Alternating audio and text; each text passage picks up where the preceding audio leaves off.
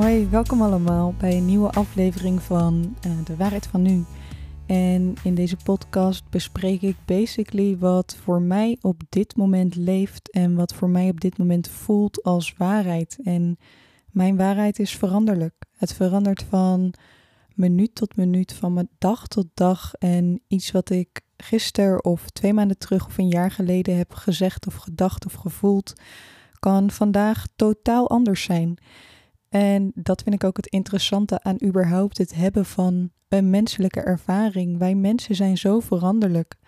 En toch verwachten we dat wij veranderlijk zijn, maar de wereld om ons heen hetzelfde blijft. En dat de wereld om ons heen consistent is in eigenlijk het ontmoeten van onze behoeftes.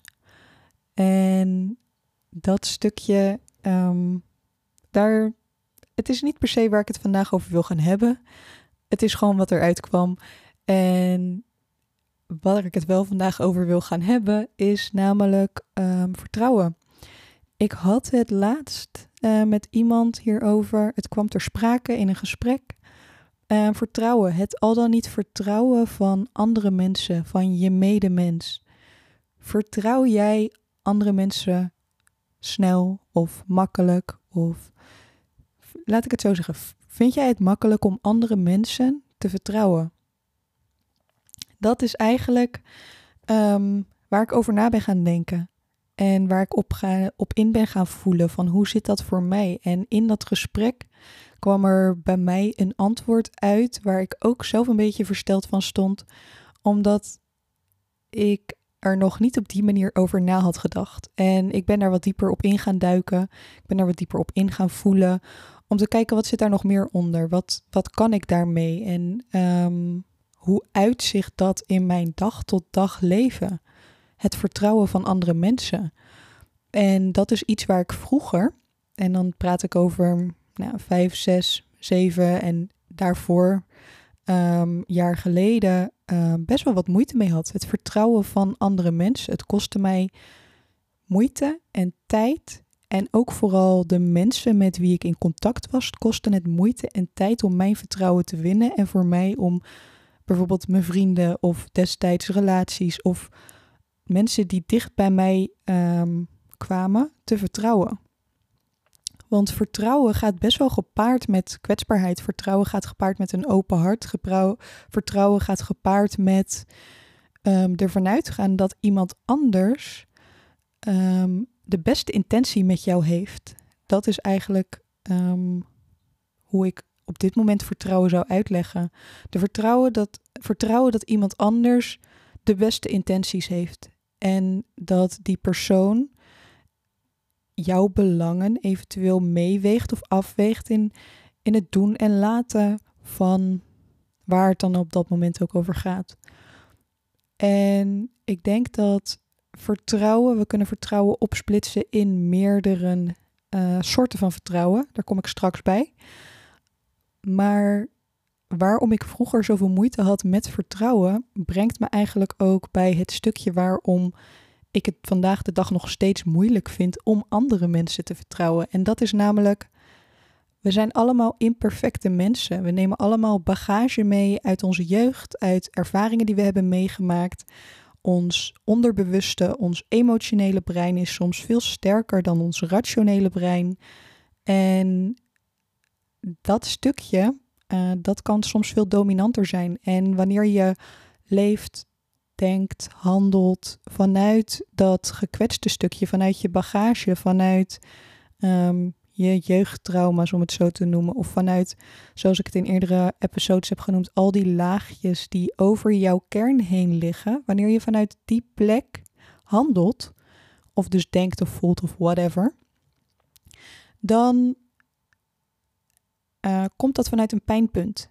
En vanuit dat pijnpunt is het heel moeilijk om um, compassie te hebben voor andere mensen, om empathie te hebben voor iemand anders zijn ervaring. Je zit zo vast in jouw realiteit. Je zit zo vast in jouw pijnpunt en wat jouw waarheid is op dat moment. Jouw nervous system is geactiveerd. Je hartslag gaat waarschijnlijk sneller of je, bent, je hebt tunnelvisie op hetgeen wat uh, misschien jou ooit is overkomen en dat projecteer je op alle ehm, huidige situaties, omdat jouw emotionele brein weet het verschil niet tussen um, qua intensiteit. Het heeft altijd het gevoel, of je ego heeft altijd het gevoel, ik wil jou veilig houden. Ik wil jou beschermen. En um, dat stukje jou veilig willen houden, gaat dus soms ook gepaard met het niet vertrouwen van andere mensen. Want is dat wel veilig? Iemand anders vertrouwen met X, Z, met jouw kwetsbaarheid, met jouw verhaal, met um, waar het vertrouwen dan op dat moment ook om gaat. En dat stukje, jou, uh, dat stukje van jouw ego dat jou wil beschermen, of van jouw brein dat jou wil beschermen, als je in dat stukje zit, als je in dat verhaal zit en het verhaal wat jouw ego je vertelt, of in het verhaal wat jouw brein rondom de situatie heeft gecreëerd, dan is het heel moeilijk om andere mensen te vertrouwen. Dan is het heel moeilijk om dat vertrouwen uit handen te geven. En iets wat ik ook wil onderzoeken in deze aflevering, is dat überhaupt iets om uit handen te geven? Ik denk dat vertrouwen um, gepaard gaat met heel veel laagjes, met heel veel dimensies. En dat we daar um, best wel diep op in zouden kunnen duiken. En dat vond ik ook heel erg interessant om te doen um, in de aanloop naar deze podcast. Althans, ik had er niet eens de intentie om er een podcast van te maken. Ik vond het gewoon een interessant gedachte-experiment. En daarna kwam um, dat lampje van... hey Letty, misschien is het wel eens tijd om een, eh, een episode op te nemen. En in eerste instantie dacht ik, nee, dat ga ik niet doen. Ik heb er geen zin in. Ik heb geen zin om, om mijn spullen weer tevoorschijn te halen... en om mijn setup klaar te maken, et cetera, et cetera. Um, en toch, hier ben ik uh, aanwezig, een podcast aan het opnemen over vertrouwen. Goed, dat terzijde. Um, ik zei het net al, ik onderscheid zelf meerdere vormen van vertrouwen. Um, de eerste, die ik dus al kort heb aangetikt, is het vertrouwen van andere mensen. Het vertrouwen van mensen in je omgeving. De tweede of eigenlijk zou ik die misschien als eerste moeten noemen. Uh, dus ik noem ze van dan nu even in willekeurige volgorde. Maar uh, de tweede is dus vertrouwen in jezelf. En de derde zou ik uh, noemen als. Um, ik heb er nog niet het juiste woord voor gevonden, maar het dichtstbijzijnde komt vertrouwen in het goddelijke, vertrouwen in universele waarheid, vertrouwen in het universum, vertrouwen in het grotere geheel. Laat ik het zo noemen. Vertrouwen in het grotere geheel, in het overkoepelende. En dat was ook het antwoord wat, um, wat, waar ik mezelf mee verbaasde afgelopen week. Was, we hadden het dus over vertrouwen in dat gesprek. En ik zei, inderdaad, mensen vertrouw ik ook moeilijk. Ik vind het moeilijk om mensen te vertrouwen. Want mensen handelen vaak vanuit hun pijnpunt, vanuit hun emotionele brein, vanuit het verhaal dat hun ego heeft gecreëerd rondom een situatie. En daarmee is dat alsnog met de beste intentie voor zichzelf. Om zichzelf te beschermen. En daarmee, op het moment dat je in dat verhaal zit, is het heel moeilijk om dus de belangen van iemand anders, van de andere persoon, in dit geval dus bijvoorbeeld mij, um, mee te nemen in hetgeen dat je doet of laat. En ik wil niet zeggen dat iedereen constant 24 uur 7 vastzit in, um, in die pijnpunten. Maar ik denk wel dat we in de maatschappij als geheel regelmatig leven vanuit dat stukje. Dat stukje vanuit angst, dat stukje vanuit onze trauma's van vroeger, dat stukje vanuit onze ervaringen die we hebben opgedaan, wat we nu dus projecteren op, van, op, het, op het hier en nu. Eigenlijk leven we daarmee dus niet constant in het hier en nu, maar leven we in het verleden of leven we, leven we in, in de toekomst van wat als? Wat als dit X, Y, Z gebeurt? En omdat we daarmee dus niet in het hier en nu leven, maar in de toekomst of in het verleden, is het moeilijk om de belangen van iemand in het hier en nu mee te nemen. En om rekening te houden met de gevoelens of de situatie van iemand anders. Je ego wil jou beschermen niet de hele wereld. Goed, um, dus inderdaad, um, ik, ik vind het zelf ook moeilijk om andere mensen te vertrouwen. Echter, en daarmee um, wil ik denk ik ook wat dieper daarop ingaan in het goddelijke. het goddelijke vertrouw ik wel in iemand anders. En omdat ik in elk mens zoek naar het goddelijke in hem of haar. Ik bedoel, mijn levensbeschouwing of hoe ik naar het leven kijk, is dat wij allemaal een fractie van uh, universal consciousness zijn, of van God, of van spirit, of hoe je het allemaal wil noemen. Dat maakt me niet uit welke label of naam je eraan geeft. Maar ik zie ons allemaal als onderdeel van dezelfde bron. En wij hebben ervoor gekozen om een menselijke ervaring te hebben. Om zo bepaalde lessen te leren, om onszelf verder te ontwikkelen, om te groeien. Laten we het daar even op houden, om te groeien. Ik ben een ziel en ik heb een menselijke ervaring. Daarmee is mijn ziel dus dat stukje um, van het goddelijke. We kunnen hier nog dieper ingaan als in dat mijn ziel een stukje heeft afgeknipt, afgescheiden. Laat ik het, ja, ik weet niet wat daar het juiste woord voor is, maar dat mijn hogere zelf is een onderdeel van mijn ziel, maar is niet mijn volledige ziel. En mijn hogere zelf is het stukje van mij, het goddelijke stukje van mij, wat me in dit leven assisteert om mijn lessen te leren, om te groeien. En daarmee heb ik dus bepaalde positieve aspecten van mijn ziel meegenomen en bepaalde aspecten waarin ik nog uh, groei voor mogelijk heb. Echter, dit is dit is heel even een klein zijpaadje, maar dit is wel ook een van mijn realisaties um, die ik uh, voor mezelf laatst had. Want we zeggen toch heel vaak: je bent al heel, je bent al waardig van liefde, je bent al goed zoals je bent.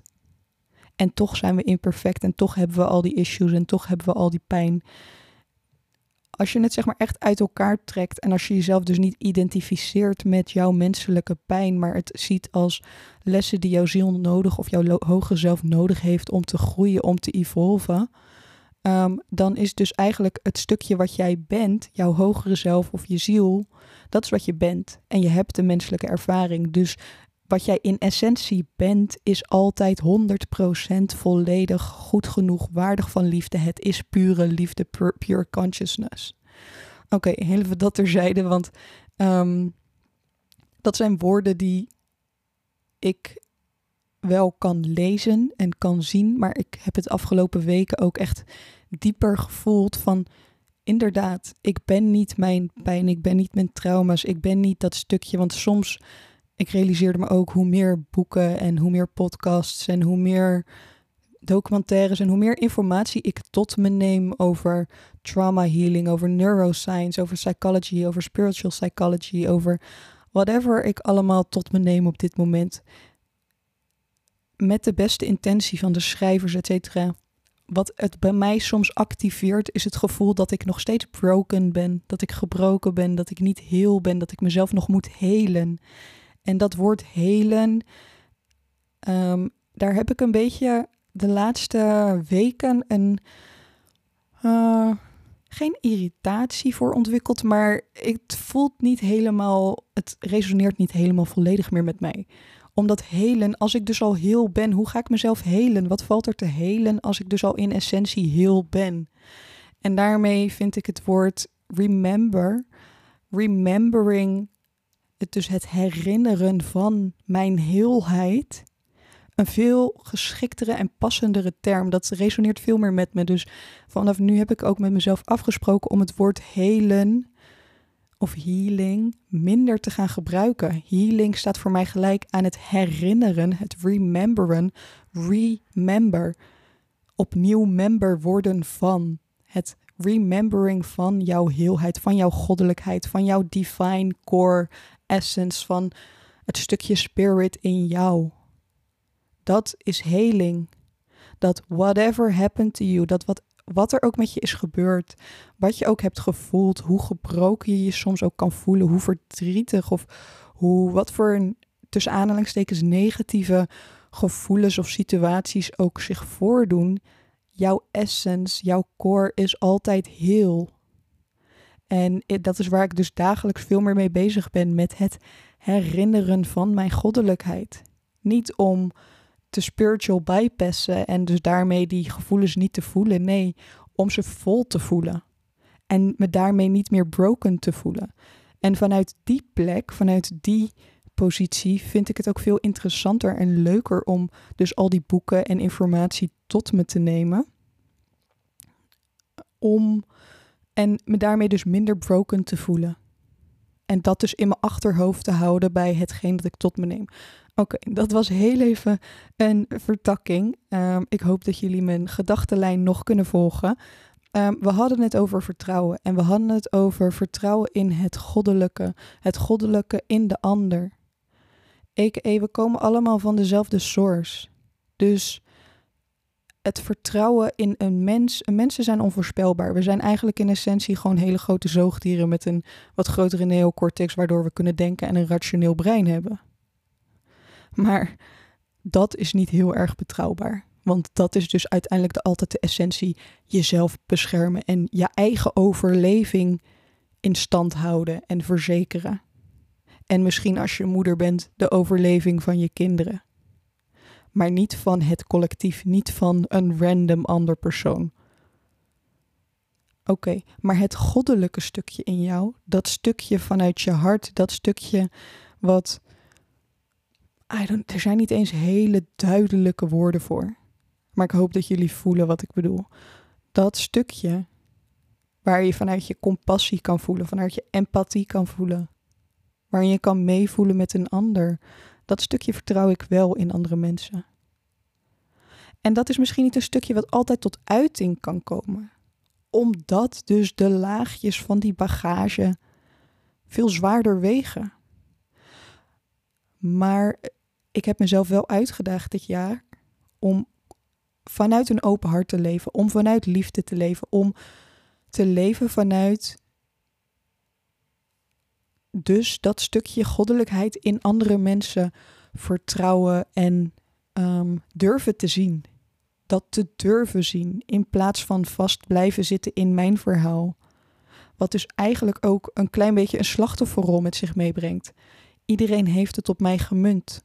Ze hebben het allemaal op mij voorzien. Daarom sluit ik mijn hart af en laat ik niemand binnen. Want jij gaat me kwetsen, je gaat me pijn doen, je gaat me verraden, je gaat me verlogenen. En dit is iets wat ik daarmee ook heb gerealiseerd. Ja, andere mensen kunnen jou pijn doen. Ik heb regelmatig in het verleden meegemaakt dat iemand, iemand anders, waarvan ik het niet eens had verwacht, maar echt, die persoon heeft echt mijn vertrouwen diep geschaad.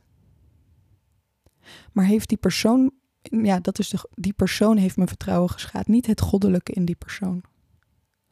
Want dan, breng ik, dan kom ik ook even terug naar het stukje het leren van lessen, het leren van het, het groeien, het evolven van mijn ziel.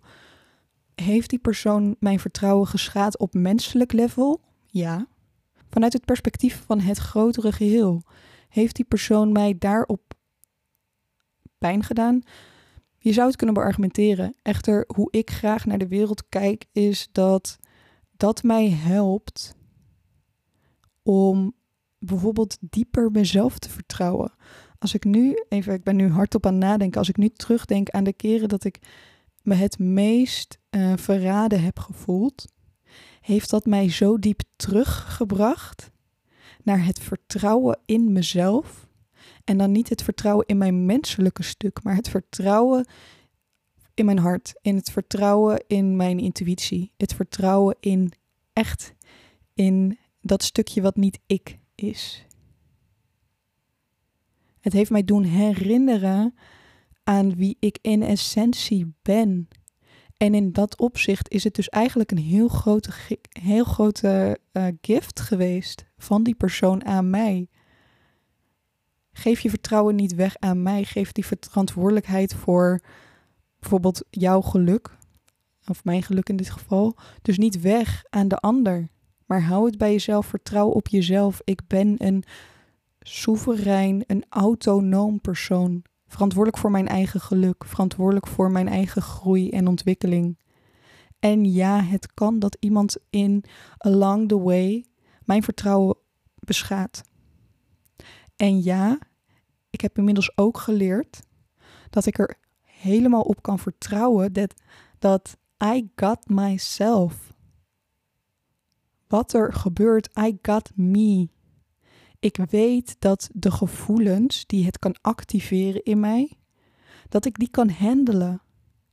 Ik weet dat de pijn die verraad in mij kan activeren, het verdriet, de, mm, het ongeloof, de resentment, de boosheid, de frustratie, wat het ook bij mij oproept, ik weet dat ik dat kan handelen. En dat is ook een proces geweest waar ik jaren over heb gedaan. En dat is denk ik ook waarom ik vijf of langer, vijf jaar of langer geleden zoveel moeite had met andere mensen te vertrouwen. Ik vertrouwde mezelf niet. Ik vertrouwde niet erop dat ik met die gevoelens overweg kon. Want in alle eerlijkheid, dat kon ik toen ook niet. Ik had niet de handvaten die ik nu heb om met emoties en gevoelens te dealen. Ik wist gewoon niet hoe ik ermee om moest gaan, hoe ik het een plek moest geven, hoe ik moest voelen. Ik was zo ver van dat stukje van mezelf verwijderd dat gewoon van nature voelt. En hoe ik daarmee omging waren diverse kopingsmechanismen, waaronder eten, waaronder series binge-watchen, waaronder van allerlei dingen doen om te vermijden, om te voelen wat ik voel. En dat is iets wat ik dus gaandeweg heb moeten leren, het leren voelen van. En daar heb ik soms nog steeds moeite mee. Soms nog steeds als er ehm, challenging emotions opspelen, um, merk ik dat ik opeens behoefte krijg om te gaan eten. Of dat ik um, opeens het heel erg leuk vind om een afwas te doen, of om schoon te maken, of om de dingen te doen die ik normaal uitstel. Maar ik ga dan, dat doe ik dan met heel veel plezier. En dan roep ik mezelf ook weer even terug: hey Letty, waarom ben ik nu aan het eten? Wat gebeurt er nu in me? En het helpt mij dan bijvoorbeeld om dat te gaan opschrijven, om te gaan journalen van oké, wat voel ik nu eigenlijk? En een hele goede practice die me hierbij helpt, heet de Felt Sense. En het is basically een practice dat je ehm, vorm gaat geven aan je gevoel. Dus je gaat echt in je gevoel duiken en je gaat vragen of voelen welke kleur heeft dit? Wel, hoe groot is dit gevoel? Heeft het gevoel een vorm? Heeft het gevoel een bepaalde structuur? Heeft het een, een bepaalde specifieke sensatie? En wat je daarmee doet, wat daarmee dus de intentie is om echt met je volledige aandacht te voelen wat er zit, wat er speelt, wat zich opdoet. Echt voelen. En ik denk dat dat een skill is die überhaupt best wel lacking is in de maatschappij. Dat we ehm, daar veel meer aandacht aan mogen besteden in hoe moeten we nu eigenlijk voelen? Hoe, hoe werkt dat nou eigenlijk? Want ik kan het wel rationeel beschrijven met mijn hoofd en met woorden, maar heb ik het dan ook daadwerkelijk gevoeld? Oké, dat is ook weer even een, een zijweggetje, maar daar, daarom, dat is wel een van de redenen waarom ik zo'n grote advocate ben van het voelen van je feelings. Whatever arises, voel het. En ja, dat kan soms enorm overweldigend zijn, omdat als je jaren niet gevoeld hebt, als je jaren gedeeld hebt met kopingsmechanismen, met um, vermijdende technieken, met um, je gevoelens uit de weg gaan, op welke manier dan ook wat vaak, um, ik denk dat we allemaal wel een lichte manier van verslaving hebben. Los daarvan, ander onderwerp. Maar dat het voelen van die uh, gevoelens. Oh, uh, mijn gedachtenlijn, wat was het ook weer? Dus ja, dat kan dus inderdaad enorm overweldigend zijn als je al die gevoelens jarenlang onderdrukt hebt. En het er opeens wel naar. En je opeens dus wel gaat proberen bewust te voelen. En um, dat dus ineens naar boven komt dat kan ook gepaard gaan met angst en met um, weerstand. Want ons ego houdt niet van verandering. Het wil ons veilig houden en het wil het liefst dat doen op de manier zoals het al jaren gebeurt. Dus opeens um, van niet voelen naar wel voelen gaan. Ik weet nog in, uh, in de tijd dat ik behandeld werd voor een eetstoornis, dat ik echt een paar paniekaanvallen heb gehad gewoon echt dat ik bijvoorbeeld op de fiets zat en opeens begon te hyperventileren en gewoon in zo'n diepe angst kwam. Ehm, ik weet niet of het een paniekaanval was, ik noem dat nu zo, ehm, maar in ieder geval dat ik dus in zo'n diepe angst kwam, hyperventilatie, zweten. Ik begon te trillen en te shaken en ik dacht echt, wat, wat de fuck gebeurt er? En dat het dus zoveel weerstand was van die gevoelens die ik jaren had onderdrukt, die opeens naar boven kwamen. En dat stukje dat is dus heel erg challenging. En daarin kan dus vertrouwen in jezelf en daarmee dus vertrouwen in een ander heel erg uitdagend zijn. Want vertrouw jij jezelf dat jij kan handelen, dat jij kan dealen met whatever arises? Vertrouw jij erop dat you got yourself? En um, dat is denk ik ook dat stukje emotionele intelligentie. Of is dat emotionele intelligentie? I don't know. Maar in ieder geval dat stukje het voelen van je gevoelens. En dus ook niet een ander verantwoordelijk maken voor die gevoelens. Jij maakt mij boos. Jij maakt mij verdrietig. Zie je niet hoeveel pijn jij me doet? Is die ander daadwerkelijk verantwoordelijk voor die gevoelens? Tuurlijk, misschien heeft die ander een. Um, speelt die ander een rol in het activeren van die gevoelens. Maar ik geloof dat alles wat er zat al in jou zat. En dat zeg ik omdat op het moment dat iemand jou tussen aanhalingstekens zou verraden en je had al die negatieve onderdrukte gevoelens niet. En je zat dus eigenlijk constant um, niet vanuit die um, bagage, vanuit die pijnpunten, vanuit die childhood trauma in het verleden of in, het, in de toekomst, maar je zat echt in het hier en nu, in een, met een open hart, um, in connectie, in verbinding met jezelf, met je hogere zelf, dan kan je daarop reageren vanuit compassie. Dan kan je daarop zien en voelen: oké, deze persoon heeft een reden waarom hij doet wat hij doet. Die persoon zit vast in een pijnpunt. Die persoon zit vast in zijn eigen realiteit. Die persoon um, is op dit moment niet aan het handelen vanuit zijn rationele brein. Of misschien zelfs wel. Maar die persoon um, doet wat hij doet. Vanuit een pijnpunt. Of ja, in ieder geval intappen in de realiteit van een ander. Compassie betekent meevoelen met. Je ziet dat die persoon komt vanuit pijn en dat het niet de intentie is die van die persoon om jou te kwetsen. Want ik geloof er namelijk in dat als wij allemaal vanuit onze hogere zelf, vanuit onze ziel, vanuit onze hart zouden leven, je eigenlijk nooit iemand anders zou kunnen kwetsen. Omdat je één verantwoordelijk bent voor je eigen gevoel, je eigen geluk. Je bent autonoom. Dus je maakt niet iemand anders verantwoordelijk voor um, dat jij je goed voelt over jezelf of wat dan ook. Wat dus eigenlijk ook neerkomt op een stukje zelfvertrouwen. Want zelfvertrouwen zie ik ook als verbinding en connectie met jezelf. Met je hogere zelf, met dat goddelijke stukje in jou. En als we dat allemaal hebben, dan kan niemand ons dus ooit meer kwetsen. En als iemand ons dan wel kwetst, is het een uitnodiging om te groeien. Om een nieuw laagje eraf te pellen om dichter in verbinding met onszelf te komen. A.k.a. de persoon die mij um, uh, een paar jaar terug enorm heeft gekwetst en verraden, handelde vanuit zijn pijn, vanuit zijn jeugdtrauma's. Die zat daar zo compleet in vast. En het heeft mij, het is een van de grootste uitdagingen, maar ook uitnodigingen voor mij geweest om op mezelf te vertrouwen, om in connectie, in verbinding met mezelf te komen om mijn hart alsnog dieper te openen. En dat is heel moeilijk geweest. Dat vond ik extreem moeilijk om mijn hart open te blijven houden in de pijn, tijdens de pijn. Om mezelf niet af te sluiten. Om mezelf niet af te sluiten voor verbinding met andere mensen. En het heeft me dus geleerd om te durven voelen. En dus te geloven dat hetgeen wat gebeurt voor mij gebeurt. Dat ik niet een slachtoffer ben van de ander zijn gedrag, maar dat het dus een uitnodiging is voor groei. En het helpt me mijn eigen innerlijke kompas te vertrouwen. En me niet terug te trekken, mijn hart af te sluiten en mezelf te beschermen. Omdat ik dus niet weet hoe te kopen, hoe te dealen met de gevoelens die dat losmaakt in mij. Um, ik denk dat we hier eigenlijk al wel een heel groot deel van uh, het stukje van mijn visie op vertrouwen hebben besproken. Vertrouwen in anderen, vertrouwen in jezelf. Hm, nee, ik wil daar nog wel wat over zeggen. Het vertrouwen in jezelf. Hoe kan je dat vergroten?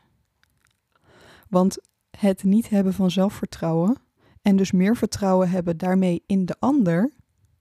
En daarmee dus vaker gekwetst kunnen raken of vaker uitgenodigd kunnen worden om wel op jezelf te vertrouwen is dus het niet verlogenen of het niet verlaten van jouw authentieke zelf, van jouw kern, van jouw hart, van wat goed is voor jou. Het niet verlaten van jezelf. En hoe doe je dat? Dat is door grenzen te stellen, liefdevolle grenzen bijvoorbeeld. Het is niet de enige manier, maar een van de dingen die daar bij mij um, sterk opkomt, wat voor mij op dit moment ook speelt, is het stellen van grenzen. Grenzen zijn richtlijnen voor de ander hoe met jou om te gaan op de meest um, liefdevolle manier voor jou. Zodat als ik um, mijn grenzen stel, kan ik, then I can show up the best version of me possible. Ik kan de beste versie van mezelf zijn doordat ik grenzen stel. Doordat ik zeg, um, mijn energie gaat tot hier en meer energie heb ik niet om dat te doen. Of als iemand me vraagt, Letty, heb jij daar emotioneel ruimte voor? En ik dus bij mezelf naga, heb ik emotioneel ruimte om bijvoorbeeld deze persoon nu te supporten in zijn of haar proces? En soms is dat antwoord nee, ik heb die ruimte en die energie niet. En vroeger, dus vijf jaar terug bijvoorbeeld, toen ik andere mensen niet vertrouwde, kun je dus ook stellen dat ik mezelf niet vertrouwde. Omdat ik dan over mijn grenzen heen ging en mezelf verliet voor de ander. Omdat ik dus op zoek bijvoorbeeld was naar dat stukje bevestiging of liefde of validatie dat ik goed genoeg was. Oh, dat is wel interessant, want dat, dat um, uitstapje wat we net hebben gemaakt van het goed genoeg zijn in de kern vanuit je ziel, dat komt dus hier terug. Want op het moment dat je gelooft en voelt dat jij 100% goed genoeg bent en waardig van liefde ten alle tijden, los van hoe gebroken, hoe verdrietig, hoe boos je je ook mag voelen, maar dat dat jouw kern is, dat jouw kern liefde is, dan hoef je jezelf ook niet te verlaten en te verlogenen. Want waarom verlaten en verlogenen wij onszelf? Om dus die liefde en bevestiging te krijgen die we nodig hebben om ons goed te voelen over onszelf. Die externe validatie. En dat heb je dan niet nodig. En dan worden grenzen ook veel makkelijker. Het stellen van grenzen is dan iets vanzelfsprekends, iets natuurlijks. En het kan dat dat bij die ander gevoelens activeert. Dat kan. En dat is dan de verantwoordelijkheid van die ander. Het is jouw verantwoordelijkheid om met jouw grenzen om te gaan en jouw grenzen te stellen en te communiceren. En ik denk dat dat nog wel een heel belangrijk stukje is in zelfvertrouwen. En dat is ook nog iets wat ik me realiseerde. Mensen die hun grenzen naar mij communiceren. Vroeger vond ik dat heel moeilijk en dan voelde ik me afgewezen. En dat was dus wat ik net zei. Ehm, de gevoelens die jouw grenzen in een ander activeren, zijn de verantwoordelijkheid van die ander en die zeggen wat over die ander. Die nodigen die anderen uit tot introspectie en onderzoek. Waarom heb ik deze gevoelens? Wat, wat zegt dit over mij? Wat kan ik hieruit leren? En ik voelde me dus bijvoorbeeld vroeger afgewezen als iemand anders grenzen naar mij communiceerde, omdat ik me niet goed genoeg voelde. Ik dacht dan: ben ik niet goed genoeg voor jou? Ben ik niet waardig genoeg voor jou dat jij dit voor mij doet? En daarmee zit je dus heel erg in het ik-verhaal en heb je geen ruimte voor de realiteit van een ander. Dat een ander daar misschien geen ruimte voor heeft. Dat een, niet alles om jou draait. Dat niet iedereen. Oh, dit, het komt weer allemaal samen. Want ik begon toch de podcast met um, dat behoeftes, dat we soms in het verhaal zitten dat iedereen verantwoordelijk is voor het voldoen van onze behoeftes. Dat is dan het verhaal waar je in vastzit. Dat andere mensen verantwoording dragen voor het voorzien van jouw behoeftes. Goed. Ehm, wat, wat het punt wat ik wilde maken is dat ik op dit moment op een punt in mijn leven ben dat ik vertrouw mensen die grenzen aangeven meer. Waarom? Omdat ik weet dat ze dat doen, dat ze dat voor zichzelf nodig hebben en dat zij dus voor hun eigen behoeftes um, verantwoordelijkheid kunnen en durven nemen. En dat zij dus zichzelf niet verlaten voor mij op dat moment. Voor externe validatie, voor hetgeen wat ik ze mogelijk kan geven. Ze zijn dus niet afhankelijk van mij voor hun validatie, voor hun geluk, voor het omgaan met hun gevoelens, voor het verwerken van, ons, van hun gevoelens. En dan heb ik het in deze podcast niet over co-regulatie en interdependency, want dat zijn ook super interessante onderwerpen voor een latere keer. Uh, maar dat is wat ik er nog wel aan toe wou voegen.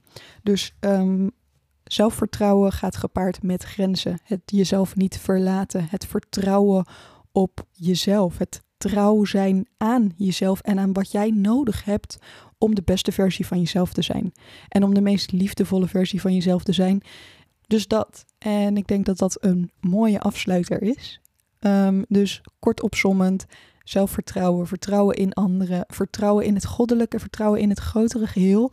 En nog kort wat er nu in mijn hoofd komt, vertrouwen op dat het goed komt. Vertrouwen dat wat er ook gebeurt, dat het voor jou gebeurt.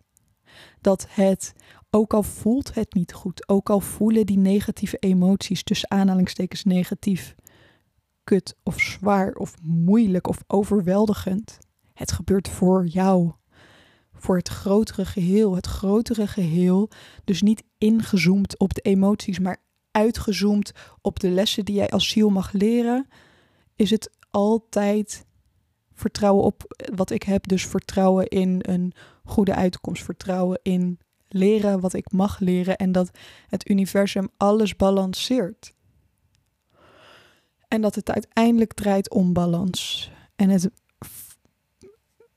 bereiken van dat nulpunt waarin je dus niet meer leeft vanuit je bagage en je pijnpunten en je triggers.